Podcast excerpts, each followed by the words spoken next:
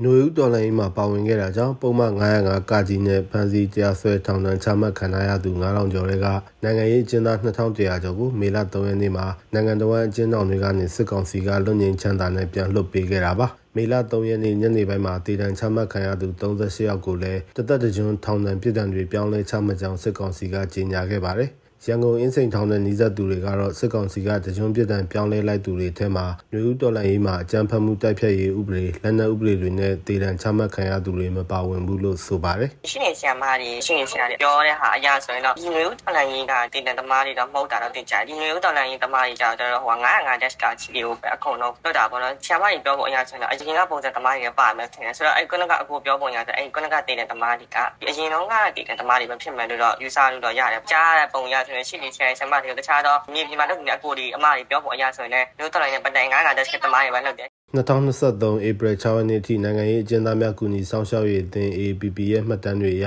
ဒီမိုကရေစီအရေးလှုပ်ရှားတဲ့ပြည်သူ151ယောက်ကိုစစ်ကောင်စီကတေတံချမှတ်ထားပါတယ်။ AAPP ရဲ့လက်လံမီတလောက်လေးလာချက်တွေအရတေတံချမှတ်ခံရသူအများစုဟာအသက်30အောက်လူငယ်တွေဖြစ်တယ်လို့သိရပါတယ်။2020ဇူလိုင်23ရက်နေ့နဲ့24ရက်နေ့တွေမှာ88မျိုးဆက်ចောင်းသားခေါင်းဆောင်ဦးကျင်မီ NLD အမတ်ဦးဖြိုးစရာတော်ကိုလှမျိုးအောင်နဲ့ကိုအောင်သူရစောတို့ကိုတေတံစီရင်ခဲ့ကြောင်းစစ်ကောင်စီကကြေညာခဲ့ပါတယ်။ မေလ3ရက်နေ့လွန်ငိမ့်တဲ့မန္တလေးတိုင်းမြင်းကြံထောင်ကနေပြန်လွတ်လာသူနိုင်ငံရေးအကျဉ်းသားအနေငယ်သာရှိခဲ့ပြီးအကြမ်းဖက်မှုတိုက်ဖျက်ရေးဥပဒေနဲ့ဆွဆွဲခံရသူတွေမပါဝင်ခဲ့ပါဘူး။မြင်းကြံ၄ယောက်တောင်သား2ယောက်တကယ်ကိုလွတ်ချင်တဲ့ဆန္ဒရှိတာတော့မပါသေးဘူး။ဘာလို့တကယ်လွတ်ချင်တဲ့ဆန္ဒရှိလို့ရှိရင်905ကကြီးအကြမ်းဖက်ပုံမှန်ခံရပြီးတော့အပန်းခံရတဲ့သူတွေကအများကြီးကြံနေတယ်ဗျာ။တကယ်လိုလိုလားလားလွတ်ချင်တဲ့ဆန္ဒရှိလို့ရှိရင်တော့တခြားကြီးချိုတာတို့အိမ်ချက်ကြီးတာတို့နောက်တော့လူတက်မှုတို့နဲ့ဆွဆွဲခံရတဲ့သူတွေလည်းရှိသေးတယ်။ဒီလူတွေကိုလွတ်ပေးတာမျိုးမရှိသေးတော့ကြတော့ဖိအားရောအောင်လောက်ပဲလို့ပဲကျွန်တော်တို့ကတော့သုံးသပ်တာပဲ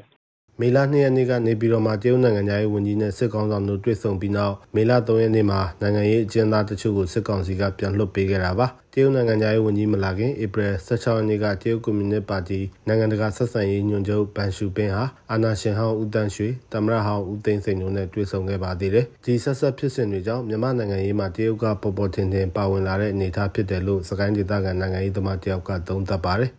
စစ်ကောင်စီရဲ့အကြမ်းဖက်မှုကိုအဆိုးရွားဆုံးခံနေရတဲ့စကိုင်းတိုင်းမုံရွာကျင်းထောင်ကနေမေလ3ရက်နေ့လွတ်ငြိမ်းတဲ့ပြန်လွတ်လာတဲ့နိုင်ငံရေးအကျဉ်းသား17ယောက်ပဲရှိခဲ့ပါတယ်။ နိုင်ငံရေးကျင်းသားတွေကိုလွှတ်ပေးဖို့နိုင်ငံရေးအရာဖြေလျှော့ပေးဖို့ရွေးကောက်ပွဲကျင်းပဖို့ဆိုတဲ့လမ်းကြောင်းကိုလည်းတရုတ်ကခင်းပေးတာဖြစ်နိုင်တယ်ပေါ့အခုနိုင်ငံရေးကျင်းသားတွေကိုလွှတ်ပေးတယ်ဆိုတဲ့ကိစ္စကတော့တရုတ်နဲ့နိုင်ငံရေးအရာအပေးယူညှိနှိုင်းထားတဲ့ညှိနှိုင်းချက်တွေတဲကတခုလိုပဲကျွန်တော်ကတော့သုံးသပ်တယ်ဒါဟာတိုင်းပြည်အပေါ်မှာဒီမိုကရေစီပေါ်မှာဖက်စစ်တဲ့အနေနဲ့ကစေတနာမှန်မှန်နဲ့ဆောင်ရွက်တယ်လို့ကျွန်တော်မမြင်ဘူးတရုတ်နဲ့ညှိနှိုင်းပြီးတော့ကဘာကိုနောက်တစ်မျိုးလိန်လည်ဖို့ကြိုးပမ်းချက်တစ်ခုသာဖြစ်တယ်လို့ကျွန်တော်ကတော့သုံးသပ်ပါတယ်ဗျ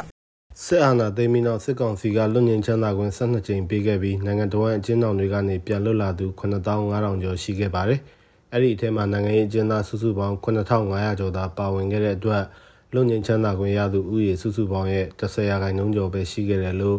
ISP မြန်မာရဲ့စစ်တမ်းတွေကဖော်ပြပါတယ်။လက်ကောင်ကြီးကလောက်လိုက်တာကကစုံလာပြီးနေဗုဒ္ဓနေပို့လို့သူကတကယ်သာသနာတရားကကြီးဖရာတကတရားကကြီးဆိုတဲ့ပုံစံမျိုးနဲ့ဖရာဒီပါဒီမှာသွားတဲ့အခါငှက်ကလေးတွေလွတ်တယ်လို့ပေါ့ဗျာ။ကုသိုလ်ကောင်းမှုယူရဆိုတဲ့ပုံစံမျိုးသူကသူဖရာတရားကသာသနာတရားကဆိုတဲ့ပုံစံမျိုးခံယူတာပဲ။ဥပမာနဲ့ပြောလို့ရှိရင်ခွေးမိကောက်ကဘလောက်ပဲကြည်တော့ဆိုဆိုမဖြောင်းတတ်ဘူးလေ။အဲ့လိုနေထားလေးတော့ရှိပေါ့။အဲ့တော့ကတော့ကျွန်တော်သတိကြီးနဲ့စောင့်ကြည့်ဖို့တော့လိုမယ်။သူတို့လွတ်လိုက်တဲ့ဆိုတာကနောက်ကနှောင်ကျိုးနဲ့လွတ်လိုက်တယ်။အဲနောက်ထပ်နိုင်ငံရေးမလွတ်တော့ပါဘူး။နိုင်ငံရေးလုပ်မယ်ဆိုလို့ရှိရင်ထပ်မှန်ပြီးတော့ဖမ်းခံရမယ်ဆိုလို့ရှိရင်လက်ပြန်ပြစ်ဒဏ်တွေတပေါင်းနဲ့ကြခံရပါမယ်။မလုပ်တော့ပါဘူးဆိုတဲ့ခံဝန်ချက်နဲ့လွှတ်ပေးလိုက်တာပဲလေ။ စစ်အာဏာသိမ်းနှစ်နှစ်ကျော်ကာလအတွင်းတော်လှန်ရေးမှာပါဝင်တဲ့ဆိုရက်ဆွဆွဲချက်နဲ့အဖမ်းခံခဲ့ရသူ2100ကျော်ရှိခဲ့ပြီးအကျဉ်းထောင်တွေထဲမှာပြည်သူ18000ကျော်ဖမ်းဆီးတရားစွဲခံထားရဆဲဖြစ်တယ်လို့နိုင်ငံရေးကျဉ်းသားများကူညီဆောင်ရှောက်ရေးအသင်း AAPP ရဲ့မေလ2ရက်နေ့ထိစစ်တမ်းတွေကဖော်ပြပါဗျ။စစ်ကောင်စီကပြည်သူ9800ကျော်ကို905ကကြီးနဲ့တရားစွဲထောင်ချခဲ့ပြီးမေလ3ရက်နေ့မှာပြန်လွတ်လာတဲ့နိုင်ငံရေးအကျဉ်းသား2000ကျော်ဟာအဲ့ဒီအထက်ကလွတ်ရနေနေသူတွေဖြစ်ပါတယ်။ ထောင်ဒဏ်ချမှတ်ခံရပြီးပြန်မလွတ်သေးတဲ့သူတွေကတော့အကြမ်းဖက်မှုတိုက်ဖျက်ရေးဥပဒေနဲ့တရားစွဲထောင်ချခံထားရသူတွေဖြစ်ပါတယ်။ကျွန်တော်တုတ္တချမ်းသာပါ။